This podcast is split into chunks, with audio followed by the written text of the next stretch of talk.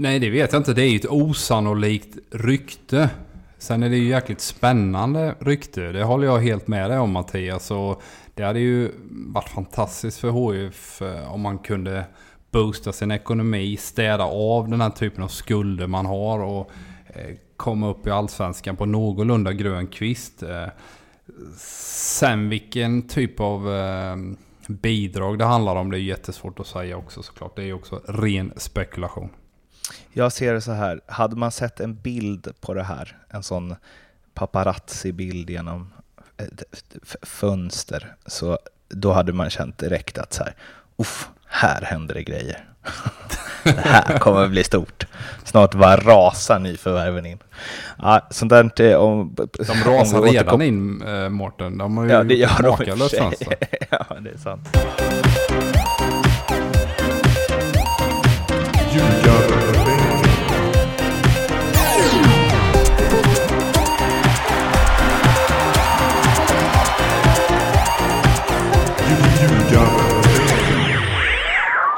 Hjärtligt välkomna ska ni vara till eh, det 91 avsnittet utav NordicBets allsvenska podcast Ljugarbänken. Inte Mårten Bergmans röst ni lystrar till nu utan eh, superklippare Martin Gustafssons. Eh, jag vill bara flika in här innan vi sätter igång veckans kanonavsnitt. Jag törs faktiskt eh, använda så starka ord. Eh, jag vill flika in bara att eh, ber om ert över överseende med de eh, ljudproblem som är under de eh, första minuterna av avsnittet. Det blir bättre, håll ut så kommer ni få lyssna till ett riktigt fullmatat eh, avsnitt med, kan vi ju hinta om, ett riktigt fläskigt avslöjande. Trevlig lyssning! NordicBet podcast, Ljugarbänken är här. Det är nummer 91. Kvällen är sen men humöret på topp. I alla fall hos mig, Mårten Bergman i Stockholm. Hur är humöret Sundets pärla, grabbar? Ja, Erik, hur är ditt humör?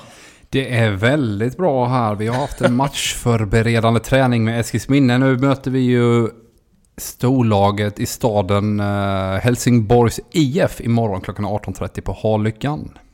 Och är det cup? Coppa Svedese. Ja. Det betyder svenska, det... Svenska betyder det. Hur har ni, uh, har ni förberett er som inför en cupfinal? Exakt, precis Mattias Lindströms recept ja, på ni, framgång. Ni börjar trötta, börjar trött på alltså, Det är en cupfinal för det är vinna eller försvinna. Hur fan ska man förbereda sig Erik Edman då? Men vi kanske spelar bra men vi åker ut ändå. Så vi spelar bra i alla fall. Hur, hur, ska ni ta, hur ska ni ta er an deras... Hur ska ni ta er an Real HF? Eh, det blir väl någon form av eh, svenska landslaget taktik där vi har väldigt korta avstånd mellan våra lagdelar och eh, framförallt mellan spelarna i respektive lagdel. Och så satsar vi på kontringar och fasta situationer, ungefär så. Är, är det det som heter att man liksom grötar ihop det? Ja, parkerar bussen så kan vi säga. Nej det är absolut inte, utan vi, vi vill ju då och då kunna sticka upp i omställningar. Och, men vi är väl fullt medvetna om att vi är en underdog i den här matchen mot ett väldigt formstarkt eh, Helsingborgs IF. Så eh, det blir en tuff utmaning. Men eh, bollen är rund. Bollen är rund ja. Det är ju en, ni som bor i stan med omnejd borde ju faktiskt ta er ner och kika på den. Det låter som något som man inte vill missa faktiskt. Jag var, ja, det blir en bra match ställde in min, jag eh, skulle åka till Helsingborg igår, eller igår, imorgon kväll egentligen, men nu blev det inte riktigt så. Men hade jag vetat det hade jag absolut inte ställt in, även om Jönköping också är trevligt i men, all sin enkelhet. Men ska inte du till Barcelona? Nej, jag har redan varit där. Ja, okej, okay, då så. Mm. Ja. Det är tufft att hinna med dina resor det är tufft. Jaha, eh, vad är eh, status på två åker då? Status är att jag kom direkt från eh, Tvååkers B-lag mot Staffsingens B-lag. Eh, vi, Oj, det stod där missar man, ju, eh, missar man ytterligare en match, det hör man ju. Ja, nej, men eh, vi har haft en, eh, en tuff omstart. Eh, vi åkte på med eh, förlust med 4-0 mot Åtvidaberg i Åtvidaberg i söndags. 4-0 förlust. Eh, och Åtvidaberg ligger sist i serien. Är bättre än vad tabellen visar men absolut en eh, väckarklocka för oss, det måste jag säga. Missräkning. En missräkning. Eh, Vi, jag tycker, nu kan man inte säga att man förlorar med 4-0, men vi gör ingen dålig match. Åtvidaberg är effektiva och gör mål på det de ska göra och vi missar det vi inte ska missa. Så att, eh, ja, det var inte så mycket. Vi har vi eh, Karlskrona hemma på lördag, så att revansch. De hade lite tur helt enkelt. Ja, det har jag inte. Fyra, fyra turmål såklart. Klassiker. Ja, eh, vi eh, ska ju, eller är det, är det liksom, eh, är det gå, gå upp i, i superettan-darren eller? Nej, eh, för det första, om Ah, man, för- om man förlorar med 4-0 mot eh, jumbolaget efter, eh, Då, då är det 17 lite där. efter 17-18 omgångar, då förtjänar man inte att, att eh, gå upp. Det Ja, det jobbiga är Mårten att han som styr skutan har ingen aning vilken riktning han ska åka just nu. Han är ju som ett jävla asplöv där på bänken varje match nu. Jag känner bara att det glider ur händerna på honom varje match. Nej. Det da, darrar och barrar. Det har ju spelats allsvensk fotboll också, det brukar ju göra det mellan gångerna vi pratar och resultaten tänkte jag dra lite snabbt. Vi börjar 17 augusti då Sirius, som ju brukar vinna med 3-2, förlorade med 3-2 hemma mot Dalkurd. Malmö FF, komfortabel 3-0-vinst hemma mot Trelleborg. Elfsborg nollade för femte matchen i rad, vi ska återkomma till det, hemma mot IFK Norrköping. 1-0, Simon Skrabb, matchhjälte där. BK Häcken bjöd på Paulinho eh, frisparkar från en eh, annan planet, får man väl nästan säga. Eh, och Jeremejeff-mål eh, var det va, eh, på Norrporten. 2-0 borta mot Sundsvall. Enok Goitom fortsätter att göra mål.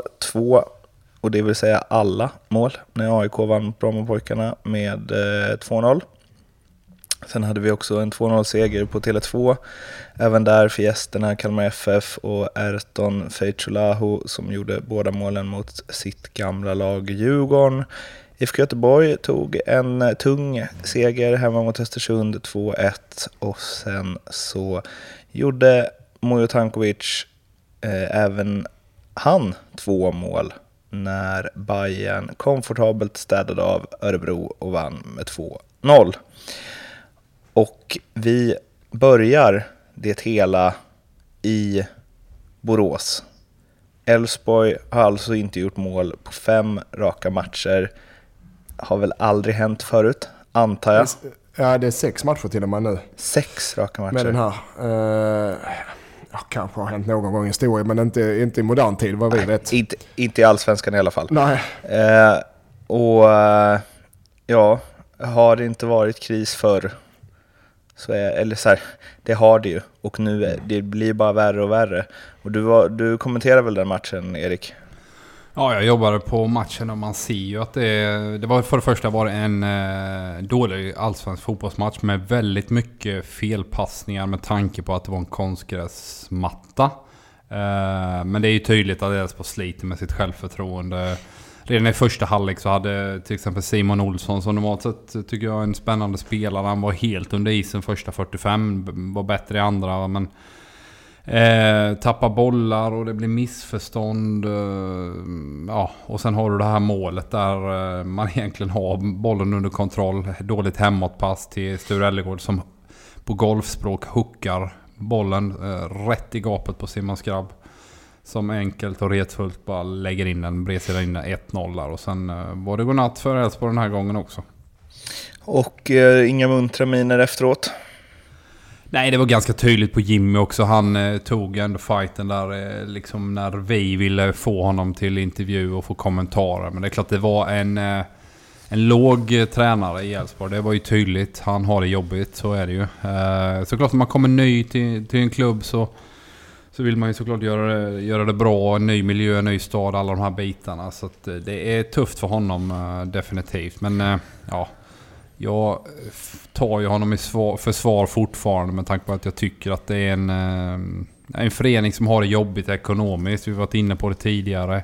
En trupp som har ja, sett lite märkligt sammansatt ut. Eh, inte bara Jonas Olsson i Djurgården som kan gnälla på det utan även de i Elfsborg. Nu har man ju tagit in lite spelare men fortsatt så tycker jag att eh, inte det riktigt stämmer på de bitarna. Så klart, ska du kicka Jimmy till exempel så borde nog eh, två, tre huvuden ryka i ledningen också. Så kan jag ju tycka. Eh, fråga då, du som känner Jimmy personligen. Var, han har ju sin, sin, alla har ju sina filosofi, sin filosofi som tränare. Kommer han ändra något? Kommer han, nu, för nu måste han ju tänka, är jag rätt ute som tränare? Eller Är min filosofi den riktiga och vägen att gå? Kommer han, kommer han ändra sig eller kommer han fortsätta stå på sig och köra tills det fungerar? Om det fungerar. Nej, men där känner jag liksom det, det här Lundell-uttrycket. Eh, Står du inte för något så faller du för allt. Jag såg ett jävligt bra klipp med Gary Neville också kring Unai eh, Emery där eh, i Arsenal också. Som, som någonstans har jobbat med saker. Börjar du liksom gå ifrån det du tror på själv. Det är ju, då tappar du ju framförallt tappar du dig själv och blixtsnabbt också det förtroendet som finns i spelartruppen. Någonstans så har man ju tagit Jimmy för att man vill någonting med sin fotboll. Man kickar Haglund. Man kickade eh, Lennartsson, tar tillbaka Haglund, kickar honom igen. Och sen tar man in Jimmy och så nu då funkar inte detta heller. Eh, för mig då liksom om du överhuvudtaget funderar på att sparka honom då kan jag säga att då får du fan sparka hela styrelsen också. Kevin Sture Ellegard hade ju inte bara bra saker att säga om hur Elfsborg spelade under Magnus Haglund, för er som kommer ihåg det. Han ja, valde väl inte sina ord med omsorg alla gånger där och framförallt inte en av gångerna. Ni kan googla det. Eh, jag antar att han inte var supernöjd med sig själv efter den här matchen heller. Nej, han... Eh, vi vill ju ha honom också på intervju därefter. Men han var ju såklart jäkligt besviken på givetvis på laget och även på, på den här eh, felpassningen han drar ut rätt i banan. Så han tog och duschade, bytte om fort så in i helvete och så satte han sig i bilen och körde hem. Um, och det kommenterade ju också Jimmy och Ishizaki på, jag tycker ändå ett snyggt sätt. Jag menar, det är känslor i fotboll och det är klart att han ska ställa upp för media efter matchen. Men det har han gjort flera gånger innan. och Eh, han klarar inte nu och liksom för mig var det ingen jättegrej att han drar hem där. Även om media då ville göra det till en... Eh... Men är det inte så, rätta mig om jag fel nu, men att man måste som spelare ställa upp för vissa medier. Ehm, eh, SV, eh, för vi får inte nämna deras namn här kanske. Bipa det ja. Martin. Ja. Eh, SVT och jag vet inte hur det är med Simon, men, men sponsorer till Allsvenskan. Uh, att man måste som spelare, det är ens skyldighet och det står i kollektivavtalet att man måste upp på intervjuer. Hur är det med Simon? Eh, jag tror också att du, du liksom är tvungen att ställa upp. Va? Men det är klart att där tror jag ändå man har en finkänslighet ja, från ja, ja. sändande bolag och eh, eh, ändå en viss typ av förståelse. Sen om du toknobbar liksom gång på gång. Det är klart att då får man ju ta tag i det och skulle det ändå inte hjälpa så får du ju bötfälla eh, respektive klubb och klubben får i sin tur ta det vidare och ja, jag snacka du, med Jag tycker du ska dra detta vidare. Ja, nej. Jag, jag, jag, jag förstår Ellegard. Han är skitbesviken på hela den här säsongen ja. och såklart på sig själv den här matchen. Men eh, för han, mig och hade ingen... han varit med så hade han nog sagt någonting han hade ångrat. För, alltså, både för hans egen och klubbens skull. Men, men Erik, om du vill dra det här till, till court så håller vi din rygg. Ja. Stort tack. Ja. Vi har ju spelbolag i ryggen. vi valsar vidare till eh, Norrland. Giffarna tog emot Häcken och man tänkte det här blir väl trevligt för det är två lag som spelar ganska eh, ja, småtrevlig fotboll, framförallt hemmalaget och Paulinho. Eh, alltså, det här måste ju vara preskriberat nu. Vi säger det. Mick Stare bor ändå så himla långt bort från här nu, men han sa till mig inför förra säsongen att det ska mycket till om Paulinho ska komma tillbaka i någon som helst form med tanke på hur illa det var med hans knä. Och eh, det var väl liksom så här, ganska, många var väl ganska rörande överens om att det var lite chansning, att det var lite konstigt att det var så många klubbar som ändå var intresserade. Det ryktades väl om Norrköping, det ryktades om Hammarby tror jag. Och sen så var det väl ett par klubbar till där. Eh, men han är ju otroligt bra alltså. Ja, jag tycker också han går eh, ja, klar, från klarhet till klarhet. Det vet jag inte, men alltså man ser ju vilken otrolig kvalitet han har och det har han visat i flera år. Dessutom så är han faktiskt i en fysisk form nu som jag fan aldrig har sett han i innan. Omställningar både offensivt, defensivt, hjälper sitt lag och, eh, och så då givetvis eh, bjuder han på de här målen som tar Häcken vidare. Jag hade ju en liten sån här Eh, varningsklockan. När, Häcken vinner med 5-0 hemma på Bravida så tänker jag så här. Okej, okay, nu har Rasmus Lindgren och eh, Erik Friberg suttit och sprutat champagne en vecka i omklädningsrummet. Och så är de proppmätta när de ska upp till Sundsvall. Mm, och då kommer de åka på en nollek, torsk där. Och så är det samma visa som det alltid är med Häcken. Men här går man ju faktiskt ut och städar av dem då efter 1-0 och, gör det bra här. Så att, eh, häcken är på gång eh, definitivt. Jag tror de kan bli riktigt, riktigt svårslagna här under hösten uh, faktiskt. Även om de nog inte kommer nå hela vägen fram till Europaspel. Nu, har, nu ska jag göra en riktigt slarvig citering här, men jag tror att det var Gusten Dahlin som skrev på sin Twitter att så här, om det, har det funnits någon sån bra spelare som Paulinho i allsvenskan som har varit kvar i allsvenskan så länge och varit så mycket i allsvenskan. Alltså, när, sen han kom tillbaka till Häcken 2015, då har han alltså gjort 11 på 14, 9 på 11. Sen förra året hade han ju problem med skador, då gjorde han 9 på 21. Och i år har han gjort 13 på 16. Och då ska ju gudarna veta på... att det inte har varit något fullt fungerande lag han har spelat i alla ja. gånger. Nej, men däremot ett offensivt lag som anfallare, och det var drömmen där. Men, men om du slår ut det på antal spelade minuter, det kan vara ett jäkligt intressant snitt. Eh, det, det kan ju vara topp i allsvenskan alltså, genom tiderna. Här, bara om du stryker liksom, om du stryker förra säsongen, då har han ju alltså gjort 20, eh, då har han gjort 33 mål på 41 starter. Det är ju, alltså, det är inte många spelare som har det facit som spelar fyra raka allsvenska säsonger. Nej. Nej, det är läskigt bra det... som du säger med tanke på att han är i Häcken också. Men det är ju säkert åldern och skadehistoriken. Ja. Annars hade han ju varit i Kina ja, eller något sånt där. det är en del av fotbollen. Skador och skadehistorik och spelare, eh, hela, det är hela paketet. Han har kvaliteter eh, om han har varit frisk, men nu har han inte varit det. Så det är en icke-fråga. Men det känns som att han är en av de spelare, eller så här, potenti potentialen hade kunnat, eller du säger Kina Erik, jag tänker att om han hade varit hel och det, och det som sagt, det har han ju inte varit typ en enda säsong. Men att potentialen är ju eh, en mycket, mycket, mycket större liga och klubb. Ja, Erik tänker på pengarna som vanligt. Nej, men jag tänker så här att han är alldeles för gammal för en ja. klubb. Eh, om man tittar förr i tiden för tio år sedan så gick spelarna från Allsvenskan till Holland. Jag gjorde det själv till exempel. Eh, de holländska klubbarna som köper den svenska spelaren ser det som Eh, en investering eh, på en spelare man ska utveckla och sen kränga vidare och under tiden han är där så bidrar han med saker. Eh, den marknaden har ju förskjutits lite. Holländska klubbar har ju de här subtoppklubbarna där jag själv var här för de är ju, har ju inte större muskler än Hammarby och AIK idag. Utan, och det jag menar med att han är för gammal för att man ska liksom göra en sån investering. Utan för mig är det, är han gratis så kanske han kan dra till MLS och liksom städa av två år i Atlanta United ungefär. Liksom. Så, så tänker jag. Den perfekta allsvenska spelaren är han ju. Om ja. hans knän håller. Ja. Ja, han kommer inte lämna. Man kan värva honom, man vet, han blir kvar. det är det... liksom Stef Stefan Selakovic. Och det är ju det är lite som Erik säger, han är, han är i bättre form nu än fysisk form än man någonsin sett honom. Mm. Det säger väl mycket.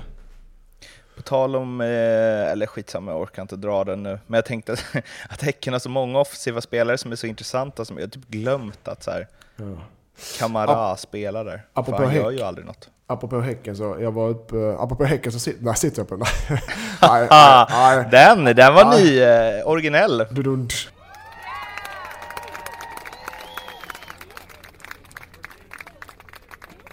Men eh, jag var faktiskt uppe på Olympia och skulle prata lite med folk där uppe. Och då pratade jag med Kristoffer, de har ju Alexander Farnerud som tränar med dem.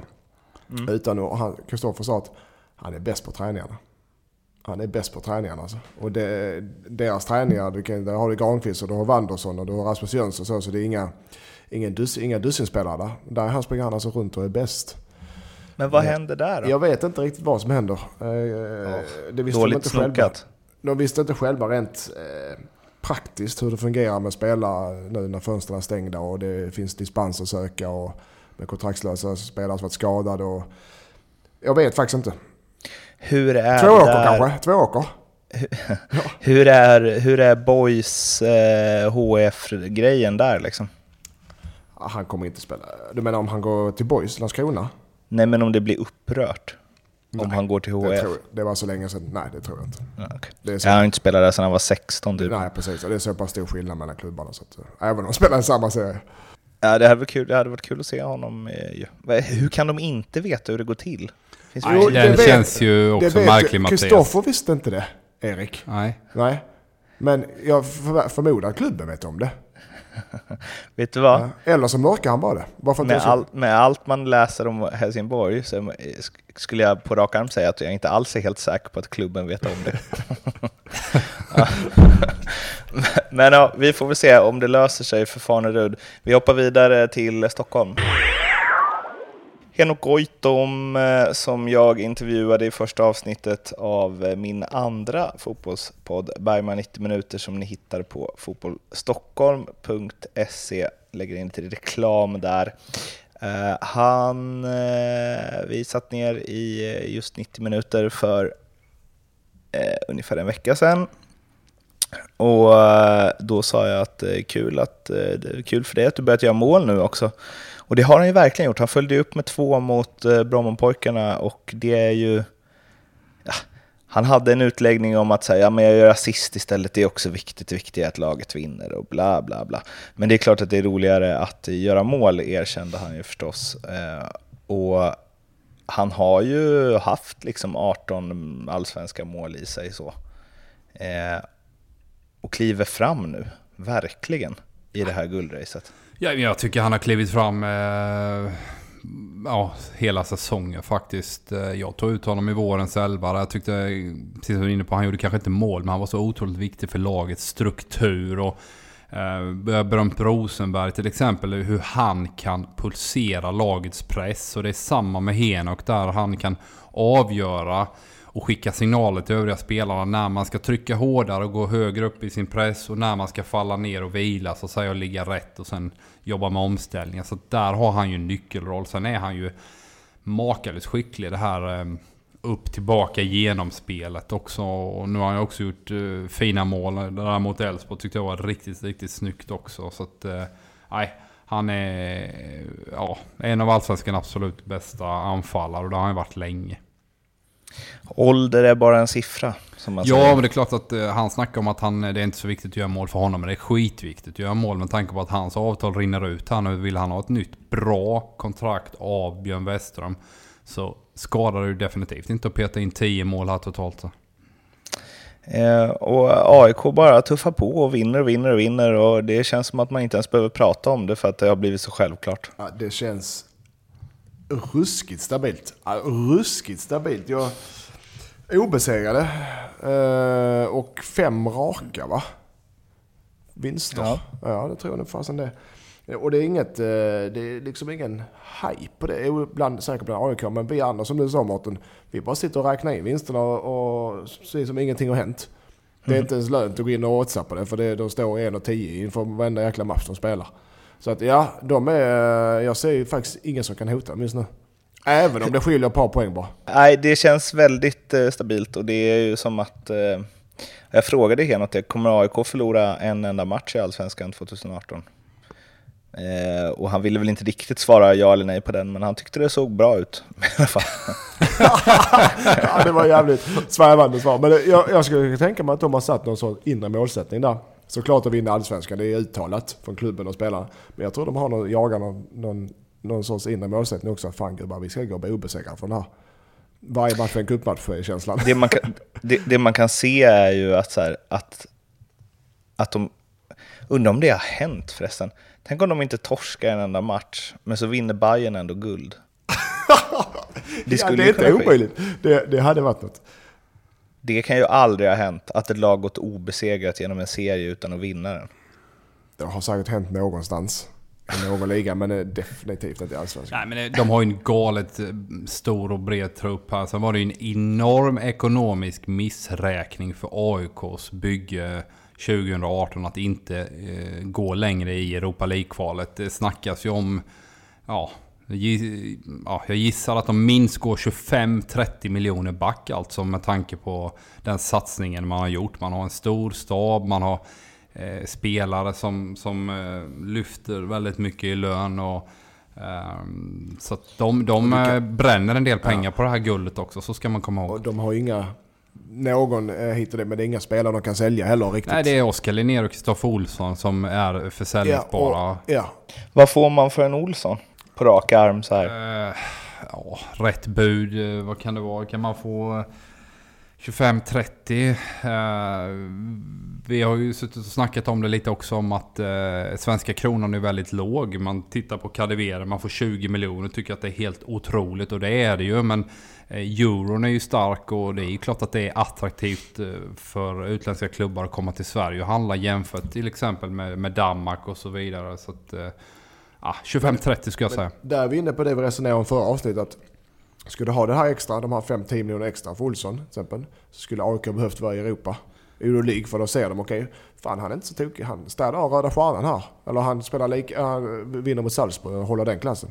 Ja, definitivt också att om han hade varit med i en svensk A-landslagstrupp också så går ju priset upp. va. Så där kan ju AIK hoppas att eh, Janne plockar med honom här nu nästa vecka. Det när tror jag mycket väl han kan göra. Men det skulle ju i sådana fall, alltså en sån försäljning direkt efter säsongen skulle ju rädda upp lite av den ekonomin. Men det här, vi har varit inne på det förut, men det, det som är, är ju så här, alltså det är klart att, att man inte kan göra 25 miljoner minus varje år, men supportrarna skiter ju i att man åkte mot Nordsjälland om det blir guld. Ja, och det är klart att eh, vad fan, det är ju rätt många år sedan nu som som eh, Micke Stare fixade guldet senast. Så eh, att, och AIK hela tiden har självbilden av att man ska jaga guld. Och nu, nu är man så otroligt nära. Trots då 12 matcher kvar här så kommer det vara Hammarby eller AIK som plockar hem det. Så det är klart att de suktar ju efter det. Och, eh, Europaspel, det ser man ju också när man väl kravlas in där, de där gruppspelen och det börjar bli lite kallt ute så kommer det inte mer än 5-6 tusen även om det är ganska namnkunnig motstånd som kommer till, till matcherna. Va? Så att eh, Europa League lockar ju inte sådär vansinnigt mycket folk. Och, och sen är ju, det må vara att klubbar, många klubbar är, har svårt med lång, eh, långsiktigt tänk. Eh, supporter, jag är själv supporter. Det är ännu svårare för oss att, eh, att se, se långsiktigt. Det är, det är år, den här säsongen gäller att ta guld. Vad som händer om tre år är skitsamma just nu för supporterna. Har vi, är pengarna slut om tre år, spelar vi Euroliga, skiter vi i. Vi ska vinna guld i år. Det, det, så är det. Men det är därför jag tycker det är så jävla kul med Norrköping. Om du tittar startelvan nu senast eh, mot Elfsborg så har de en medelålder på 24 år. Och det var relativt ålderstigen trupp. Eh, 11 de hade med Krog Gerson och Ante Johansson 37 bast. Tittar du de andra lagen då, Malmö då mot Vidi 28,6. Jag kollar BP's nu senast för 27,5. Och det, det här pratar man ofta, eller man hör uttrycket man måste förstå sin roll i näringskedjan. Och eh, tittar du på Premier League så kan det väl vara okej att köra en, en startelva på 29-30 år va, medelålder. Men i Sverige som en säljande liga där man är väldigt, väldigt beroende av alternativt framgångar i Europa eller sälja spelare. Så alltså, det är farligt att ha den här höga medelåldern i sina eh, startelvor. Ni som lyssnade förra veckan vet ju att det har kommit massa ljugarbänken-tishor som nu eh, är hett eftertraktade. Och du, ni kan vinna en sån och då gör man så här att snart kommer det två tripplar, en från Erik, en från Lindström och de kommer ligga uppe eh, på NordicBet. Och om man går in och ryggar dem, eller en av dem, för 99 spänn, inte 100, inte 98, ingen annan summa heller, utan just 99 kronor, så är man med i utlottningen av dels en ljugarbänken tisha men så får man också då en månad gratis simor abonnemang Och vad är det då för tripplar som bjuds denna vecka? Ja, jag har verkligen tagit ut svängarna den här veckan. BK Häcken tar emot Brommapojkarna och där spelar vi en etta. AIK hemma på Friends mot Trelleborg som har det fruktansvärt jobbigt, minst sagt. En etta där också. Och sen Djurgården då. Krisens eh, möte med Elfsborg. Där spelar jag kryss 2. Och då får jag det här fantastiska oddset 3,00. Ja, bra ändå. Jag trodde det skulle vara 1,0 Nej, jag, jag behöver vinna nu. Det är dags för att vinna. det. Det är Elfsborg som drar upp oddset då. Ja, Mm. eh, Jag- jag- och jag- Lindström, du kontrar väl med någon form av 47 odds? Nej, jag? är, jag behöver pengar. Jag behöver pengar. Så jag har lite bättre odds än Erik Edman, men jävlar inte mycket bättre odds. Men vi kör. Den är däremot jäkligt säker såklart. Eh, IFK Norrköping, IFK Göteborg, över 2,5 mål. Den är spik. Eh, BK Häcken, eh, Brommapojkarna, över 2,5 mål. Också spik. Dalkurd, FF, Hammarby, IF. Över 2,5 mål där också. Den är också spik. Eh, de här Och tre... då landar två- vi på Då är fyra gånger pengarna. Fyra gånger pengarna. Mm. Så in om ni tycker att någon av de där tripplarna låter bra, rygga med 99 kronor och var med om att eh, försöka vinna en Ljugarbänken t-shirt och en månad gratis simor abonnemang Tack NordicBet för det. Om man tar för givet att AIK bara ångar på där uppe i toppen så finns det ju andra ställen i Stockholms land där det är lite kämpigare. Till exempel ute på Kaknäs. Eh, Djurgården torskade, eh, som vi nämnde, mot Kalmar FF. 2-0 hemma på Tele2. Erton Fitzgerald gjorde båda målen, firade inte. Jonas Olsson däremot, eh, han firade ju inte heller, men han eh, röt ifrån kan man väl kalla det i halvtid då han kritiserade värvningsstrategin, i, eller värvningsarbetet i Djurgården och, och sa att vi har ju bara en ytterback och en anfallare, men sex mittbackar och sex yttrar. Och det är förstås inget man kan skylla på, men det är också en del av det hela. Um, det var kanske inte eh, tidernas timing på den kritiken och både Özcan Melke Mitchell och Bosse Andersson har pratat med Jonas Olsson efteråt eh, och det var även fans nere på träningen och snackade med honom på måndagen. Eh, Viktor Adolfsson som är ordförande i Järnkaminerna twittrade eh, i samband med matchen att om man snackar mer med linjedomaren och medierna än med sina egna lagkamrater och dessutom är bland den sämsta på planen själv så ska man inte bära kaptensbindeln i Djurgårdens IF. Eh, det blåser storm. Ja, det är ju så som, vi, som man brukar säga. När det går dåligt, då kommer allting upp. Eh, när det går bra, då kan man egentligen göra vad säga vad man vill. I det här fallet, eh, det var i stridens hetta. Som du sa Mårten, det var jävligt dålig timing Jonas. Jag tycker han är, han, han är helt rätt ute och det vet han om och det vet klubben om. Han har ju rätt i det han säger, det är helt rätt. Man säger inte det i halvlek under en match för det, då, har du fokus, då har du fokus på fel håll. Eh, men därmed så tycker jag som spelare och även lagkapten, han ska få, säga grejer. Även om han spelar dåligt ska han få, säga vad han tycker. Jag tycker han ska få säga sådana här grejer, inte mitt under en match. Nej men Mattias, Ja, men- det är katastrof Jag vet att det- ja, men lyssna här. eh, Djurgården som organisation. Ja. Det här sänker ju hela klubben Nej, och det även sänker väl inte en laget. hel jävla klubb för han säger det. Då är det ingen stark klubb. Nej, här. men jag säger, det är ju det du är inne på själv. ju. I motgång så, så vrids ju sådana här saker Ja. upp och görs jättestora.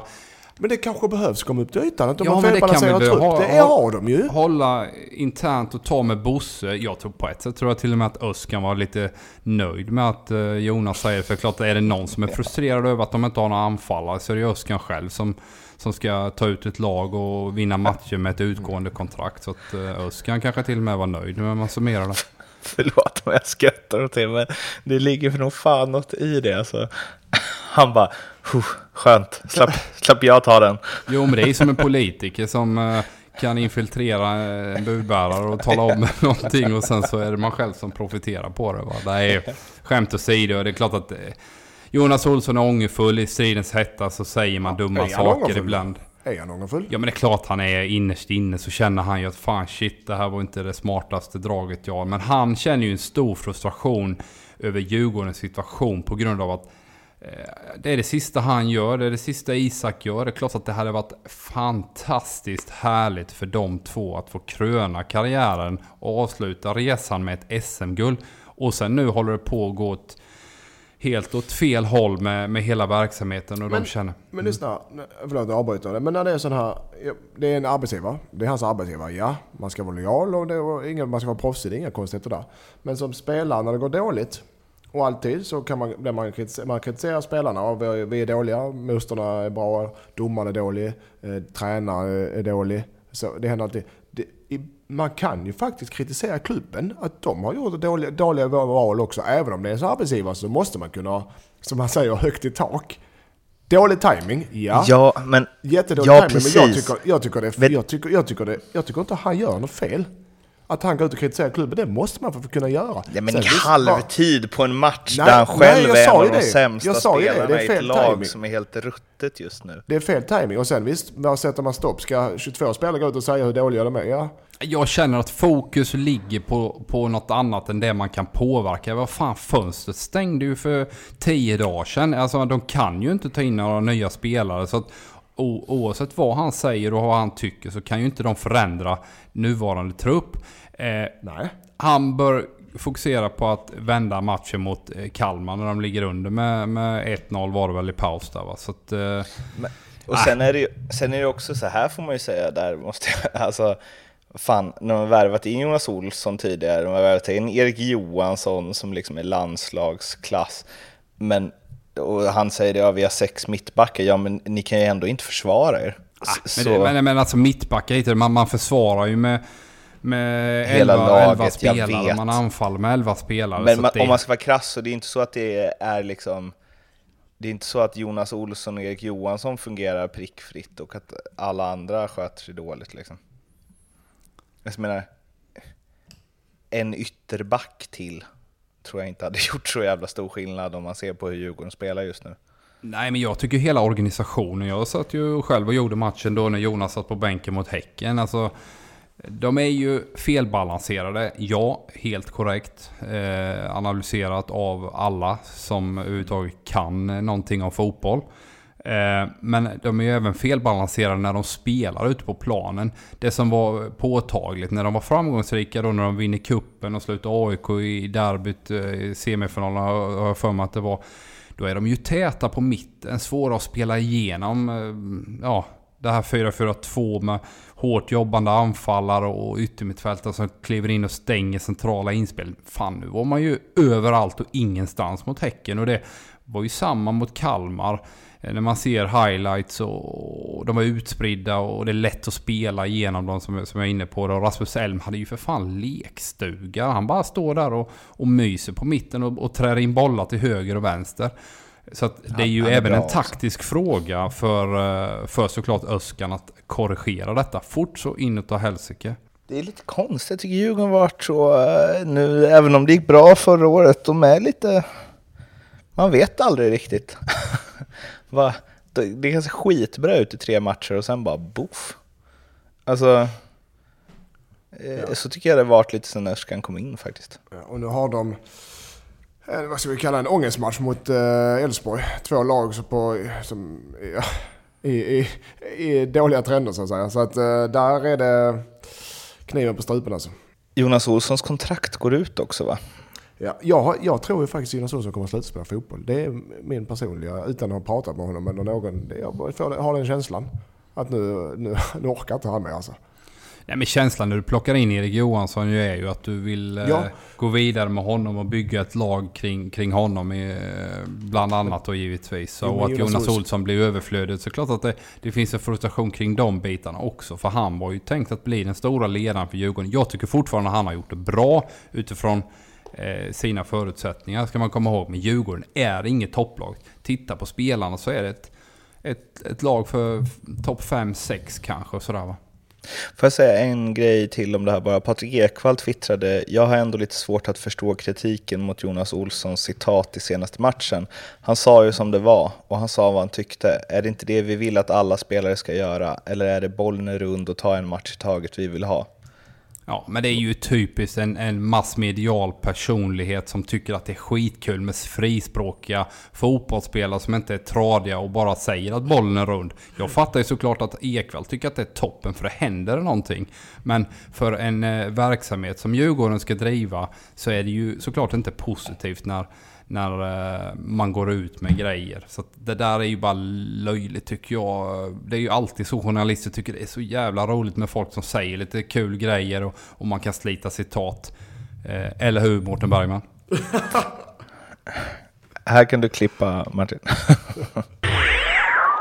Mera Stockholm då när vi ändå är igång. Mujo Tankovic båda målen när Hammarby vann igen och ju hakar på Gnaget där i toppen. Och jag försökte liksom få in det senast, eller om det var för förra gången, och kände inte att jag riktigt fick den responsen jag hade önskat mig. Men jävlar vad han är bra just nu. Ja, nej, han är galet bra. Jag var inne på det för något avsnitt sedan, och de har ju ändrat spelsätt som passar honom optimalt. Och han flyter runt på ett bra sätt och de spelar bakifrån genom mittfältet och sen kan man trä in bollar till eh, Mujo Tankovic. Han var ju iskall ska man komma ihåg förra hösten. Eh, blev kritiserad ofta också men har ju varit eh, Hammarbys ja, tre, fyra bästa spelare genomgående hela säsongen. Och nu börjar han göra mål också hela Ja. tiden. Så att, nej. Fantastiskt bra Det värvning. är bra av Jeppe alltså. Om han ligger bakom, det gör han. Eh, Riktigt bra värvning. Han var ju också så jävla säker på hela tiden att han sa ju det, ni ska få se. Ja, ja. Ibland, ja. Ibland lyckas det. I det här fallet gjorde det. Men det är väl kul. Jag, jag gillar Tankovic. Jag tycker det är riktigt bra. Han har ju, han har ju alltid... Säga, han har ju fotboll i sig. Och det är kul att se när man får ut det på riktigt. Verkligen, och han... Jag vet inte om han är på väg att bli den här landslagsspelaren som man... Eller sen när han debuterade i Premier League när han var 17 eller 18, nyss fyllde 18. Man tänkte att så här, "Uff, det här kan bli något. Ja, men det kan nog bli eh, ganska bra. Men landslaget tycker jag inte riktigt han är och nosar på än. Då tycker jag en sån som Kristoffer Olsson är närmare faktiskt. Eh, och ligger nära, nära, nära. Eller till och med ska med i en Ja, landslagstrupp han nu. kommer jag tror inte Mojo, jo, det tror jag Ja. definitivt. Eh, Mojo Tankovic får nog börja åka på eh, en skön eh, januariturné till Abu Dhabi och sen ta det därifrån. Jag tror att, eh, att Janne, förbundskapten, tror jag gynnar Mujo. Det känns så. Han har ju ändå så här sett honom sedan han var 15 och jag tror att det är en sån som Janne gillar att ta sig an. Ja, sen är det väl frågan hur han ska passa in i, ja, om man säger Jannes sätt att spela fotboll. Eh, Med yttermittfältare som är, ja, som är otroligt löpstarka i båda riktningar. Om man tar Claesson som är den lysande exemplet på den utvecklingen han har haft i landslaget. Eh, och om du ser andra kanten så har du mer friare spelare i Emil Forsberg. Så det, är inte helt enkelt att ta sig in i en startelva. Men det är klart att han är med och nosar på en truppplats här eh, framöver, definitivt. Men, men om han är någon av dem så är han väl Emil Forsberg? Ja, det tycker jag också. Definitivt. Eh, och där, där kan man känna med Kristoffer Olsson, han är lite mer svårplacerad. Kanske lite för vek fysiskt för att klara av en central position i, på ett mittfält. Men eh, kan han då vara en yttermittfältare som kommer in i plan och, och kanske ligger lite högre än vad han gjorde eh, förra året framförallt. Nu tycker jag han har en högre positionering i AIK då när han har fått in Ado istället där som defensiva ankaret. Ja, Bayern tuffar på dem också och om jag får slå ett ytterligare slag för Fotboll Stockholm så bör ni läsa Oskars långa, långa reportage om hur han har följt Jesper Jansson i hälarna under den här transferperioden under sommaren. Mycket läsvärt och en inblick i sportcheferiet som jag inte sett maken till i någon annan journalistisk eh, produktion tidigare. Pra- Prata... eh, Du fick du... Jävlar, nu, nu propaganda här. fick du, eh, prata Jeppe i ljugarbänken. I, Om man eh, pratade ljugarbänken. Pratar han om oss i, om, eh, i intervjun? Vadå, för du Eller tycker att det är den enda anledningen till att pusha för den, eller vadå? nej, men- nej men jag tycker jag är spännande för han, jag vet att han lyssnar så jag vill veta. om- Framgick det vad Rodic kostade Hammarby i den här intervjun? Eh, nej. Okej. Har du hört något Erik? Nej, ryktet säger ju att han kostar 5 miljoner i transfer, 5 miljoner i sign-on och sen en hundralapp i lön. Mm. Men det är väl... Eller är det dyrt? Ja, det är väl mycket pengar. Det är, väl, det är väl mycket pengar sådär eh, rakt upp och ner utan att eh, han har levererat något ännu i Allsvenskan. Men det är klart att Jeppe har ju scoutat honom eh, länge såklart. Och den här Hjelmberg som sitter där bakom och, och eh, gnuggar Y-scout säkerligen. Så att de har, har säkert täckning för det. Det är inte så jag menar. Men det är mycket pengar, det är det. Gnuggar Y Ja, han, alltså, han, han lever i sin egen lilla bubblan här i Edman. Hur ofta gnuggar man Y Scout i eh, två Tvååker? Alltså, jag vet inte. På fritiden så gör man andra grejer där man gnuggar. Men eh, kolla på Y-scout. Men vi har inte tillgång till sådana såna, det är för såna dyrt, dyra va? saker. Nej, det, nej, Ni det har- vi inte. Det är för dyrt. Ni har en tränare som sväljer den löneposten. Ja, Ja men det, det tycker jag är faktiskt en intressant diskussion mot det här med scouting. För där känner man ibland att allsvenska klubbar ligger långt efter. Jag tror jag faktiskt att Hammarby är eh, i framkant vad det gäller rekryteringsprocesser och, och liksom granska spelare när de har en sportchef och sen dessutom har en scoutingansvarig Micke Hjelmberg som, som eh, tittar väldigt mycket på spelare och har anställda personer för detta. Eh, Ibland så, så blir jag nästan mörkrädd när man går på en agents eh, råd och liksom eh, vad han tycker och, så i slutändan ska han ha konsultarvode för utfört arbete. Det borde vara oftare att du har skandinaviska scouter som du avlönar, som du arvoderar. Klart att det inte är några heltidsanställningar men ett par tusenlappar i månaden för att kunna ta fram sådana här shadow teams. Eh, det vill säga tänkbara alternativ eh, att, att liksom plocka in om du säljer spelare och även det, helst då har, det har väl vissa klubbar jobbar väl så? Ja, det är klart att säkert Ja. vissa klubbar jobbar så. Malmö har ju den här... eh, Och de andra klubb, de stora klubbarna utomlands, Ajax, har jobbat så i hur många år som helst. Ja, men det, det jag tänker att det borde vara en billig investering för en allsvensk klubb.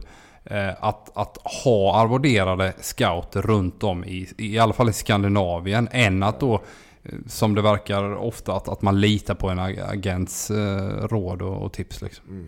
Det där tycker jag att vi ska prata mer om någon gång, för jag har, eh, jag har mycket att säga om det också kopplat till, eh, Men, till hockeyn faktiskt. ja, men jag tror det fungerar så på vissa, så det kanske inte uttalas. Peter Svärd var ju på Island och kollade på Bjarnason. Och det tog honom till HF. Så jag tror man hjälper varandra lite. Eh, men jag- jag- jag- jag alltså, utan att det är något ja, uttalat för- att du är mig- scout för oss. eh, Ja, men för, för mig upplever jag att det är väldigt ostrukturerat. det, att det man tror jag det. Liksom eh, på vinst och förlust och titta på en lirare. Nu blev det jäkligt bra med André Branason. Han har varit superbra i HIF till exempel, Mattias. Men för mig så skulle man ha en, en, en, liksom en, en finne i Finland som, som gnuggar igenom liksom superettan där och eh, kollar liksom finska ligan och, och kan sätta ihop eh, liksom tänkbara alternativ för Hammarby kanske, eller vad är det Blåvitt eller vad vi nu tar för exempel. Och även då samma i Norge och, och på Island, liksom tänkbara alternativ så. Eh, och ha avlönade personer, för det blir ju liksom väldigt kortsiktigt när du hela tiden ska förlita dig på agenter som ringer. Nej, och det kan du inte göra, det vet man att man inte kan göra. Man har några man kan lita på. Men det gäller att ha rätt personer då som sitter där. Så det inte, och det får man ha genom sin kontaktnät och man litar på dem och de är kunniga tillräckligt. Bra tis för framtida sån här diskussion. Jag hade velat vara mer förberedd. Ja, nej, ja, det är större, ja, det är större kapitel. Men, men eh, ni, där fick ni en försmak av vad som eh, komma skall. Men när vi ändå är inne på Helsingborg idag så måste vi ju ta upp eh, ett rykte som har nått vår kära ljugarbänk. Det är nämligen så att eh, Kava Jonad, med reservation för det uttalet, som ju eh, är en kille med en eh, ja, snäppet fetare plånbok än till och med Erik, Edman, som har varit involverad i Dalkurd och satsat där men dragit sig ur det nu. Ryktas ha ett eh, litet intresse av att eh, kanske blanda sig i ett eh, Helsingborgs IF som ju ni alla vet ja, vänder och vrider lite på kronorna. Eller ja, de, de värvar ju spelare men det ser lite kämpigt ut med diverse hyror och så vidare. Eh, men eh, den här kurdiska miljardären då ska vara intresserad av att eh, på ett eller annat sätt eh, Eh, hjälpa Helsingborg i framtiden. Vad ger ni för sanningshalt i, i detta? Nej, för mig är det ett helt osannolikt rykte att han skulle vara på väg in i HIF. Eh, det är ju däremot jäkligt kul när det snackas om HIF äntligen. Det har varit liksom... Eh, en mardröm för hela den här stan och hela klubben i två och ett halvt år sedan man åkte ur eh, serien. Eller även då den säsongen man åkte ur. Så det, det, är ju skitkul att det snackas. Det går bra på fotbollsplanen. Man lirar riktigt bra fotboll nu också. Eh, och sen såklart att man, man behöver ekonomisk hjälp. Det är ju såklart. Så att om det nu ligger någon form av sanning i detta ryktet så, så tror jag det hade varit väldigt positivt för HIF. Sen har du det här med 51%-regeln. Eh, hur kan man eh, på olika sätt eh, trixa med den? Jag vet inte. Jag håller inte med, jag håller inte med Erik riktigt. För det, eller, jag kanske är glad för sådana grejer med Erik men jag kan mycket väl tänka mig att det ligger någon sanning i det. Uh, han, alltså det vi har, han, det, ska vi, det, det, det, ja. det, är som, det som har nått oss är ju då alltså att han i alla fall har varit i Helsingborg och pratat med folk inom Helsingborgs IF, högst, högt uppsatta personer där. Sen eh, på vilken nivå det snacket var och återigen, det finns en 51 regel som jag tror till och med att han har uttalat sig tidigare att det här med att ja, investera i fotbollsklubbar inte är så himla intressant förrän man ruckar på den. Eh, men det jag känner där är väl så här, varför, att han, eller så här, om det stämmer att han har pratat med dem, så bara att han har gjort det är ju spännande. Jag har också, jag, jag har också hört att de har i Helsingborg och träffat, och träffat folk. Oavsett, oavsett vad, som är, vad som har sagts så är det spännande. Ja, jag har också hört att han har varit i Helsingborg och träffat folk, vad, det, vad han har pratat om, det, det har jag däremot ingen aning om. Men däremot, jag tror mycket väl att när han lämnar Dalkurd nu så tror jag borta från fotbollen så kommer giftet och suget tillbaka så kanske han tänker okej, okay, vilken klubb kan jag gå in i? Eh, en anrik klubb som kanske behöver pengar, eh, har framtiden för sig fotbollsmässigt. Han är säkert, det här är såklart jag spekulerar, men jag, jag kan tänka mig så att Göteborg, ja, vad har vi där? Nej, mm, HF, oj, där har vi en klubb som är bättre än vad, vad, vad eh, läget visar och är i behov av pengar och kanske vill ha mer hjälp. Jag kan tänka mig att han sitter så när han resonerar. Jag tycker det är spännande. Och, HF, HF är en publik som har stor tillgångskraft både i media men även med publikmässigt och hela stan andas och lever HF här ju. Och, och på G också. Och på G också alltså, för den, ja, jag menar, Värva Granqvist och värva Wandersson och Rasmus Jönsson. Alltså det känns ja. ju som att så här, de kommer gå upp och sen så kommer det tryckas på lite till och det finns en potential i den här klubben ja. som man som investerare förmodligen skulle, kan vara intresserad av. Exakt, nu sitter vi såklart och spekulerar men, men för en Men det kittlar lite. Det kittlar lite och nu Erik får vara den eh, restriktiva här Erik. Eh, och säga nej nej pojkar nu är ni ute och seglar. Men är vi det? Är vi det Erik? Nej det vet jag inte. Det är ju ett osannolikt rykte. Sen är det ju jäkligt spännande rykte. Det håller jag helt med dig om Mattias. Och det hade ju varit fantastiskt för HIF eh, om man kunde boosta sin ekonomi, städa av den här typen av skulder man har och eh, komma upp i Allsvenskan på någorlunda grön kvist. Eh, sen vilken typ av bidrag det handlar om det är jättesvårt att säga också såklart. Det är ju också ren spekulation. Jag ser det så här, hade man sett en bild på det här, en sån paparazzi-bild genom ett fönster, så då hade man känt direkt att så här, uff, här händer det grejer. det här kommer bli stort. Snart bara rasar nyförvärven in. Ja, sånt där inte om... De rasar om redan in, äh, Mårten. De har ju ja, det gör makalöst Ja, det är sant. Han kanske har gett ett förskott redan. Det kanske är längre gånget än vad vi tror. Ja, eh, det är i alla fall, eh, ja, tanken är spännande. Vi får se hur det utvecklar eh, sig helt enkelt. Det kan ju vara att vi förstör hela miljardaffären nu för, för HIF. Men jag tror att det finns en, en division 1-klubb annars som är intresserade om det skulle skita sig med just HIF. Det kan det finnas. Men som sagt, huruvida Helsingborg får några pengar eller Tvååker får några pengar eller vad som nu händer med alla de här miljarderna, det återstår att se. Vad som händer med oss, ja, det kan ni se på Facebook och Twitter och Instagram och så vidare och så vidare. Vi blir väldigt glada om ni prenumererar och skriver några fina ord och inga visor och ger oss massa stjärnor och sånt på iTunes och Acast. Ja, ni vet, sånt som, sånt som vi brukar be om. Och sen så hörs vi igen om en knapp vecka. Tills dess, ha det fint och sköt om er. Hej då! Hej då! Hej, hej.